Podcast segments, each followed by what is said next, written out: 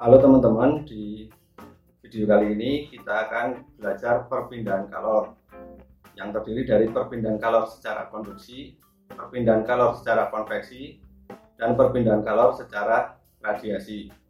Langsung saja kita mulai pembelajarannya. Perpindahan kalor secara konduksi adalah perpindahan kalor dengan cara menempelkan langsung dua benda yang suhunya berbeda. Perhatikan gambar di samping. Jika TA lebih besar dari TB, kalor akan mengalir ke kanan. Besar kalor yang dipindahkan adalah delta Q dalam waktu delta T, sehingga laju aliran kalor adalah H, yaitu H sama dengan delta Q per delta T, atau H sama dengan K dikali A dikali delta T per L. Dengan K adalah konduktivitas termal A adalah luas penampang aliran dan L adalah panjang penghantar. Setiap benda memiliki konduktivitas termal yang berbeda-beda seperti pada tabel di samping. Konduktivitas termal berbagai benda di antaranya ada pada aluminium, baja, beton, batu, hidrogen, dan oksigen.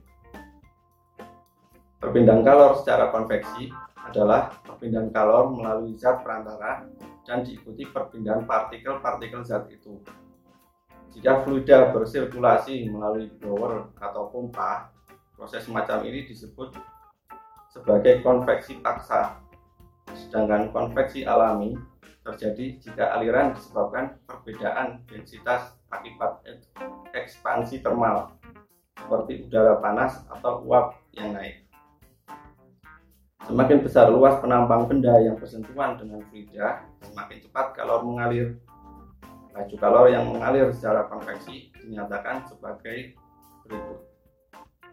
H sama dengan delta Q per delta T atau H sama dengan H dikali A dikali delta T dengan A adalah koefisien konveksi bahan.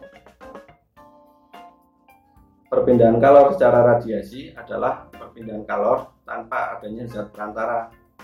Bisa dikatakan radiasi adalah perpindahan kalor oleh gelombang elektromagnet seperti cahaya tampak, inframerah, dan ultraviolet.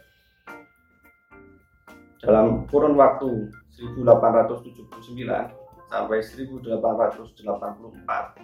Joseph Stefan dan Ludwig Boltzmann menemukan besarnya laju kalor untuk radiasi yang kemudian diberi nama hukum Stefan Boltzmann yaitu sebagai berikut.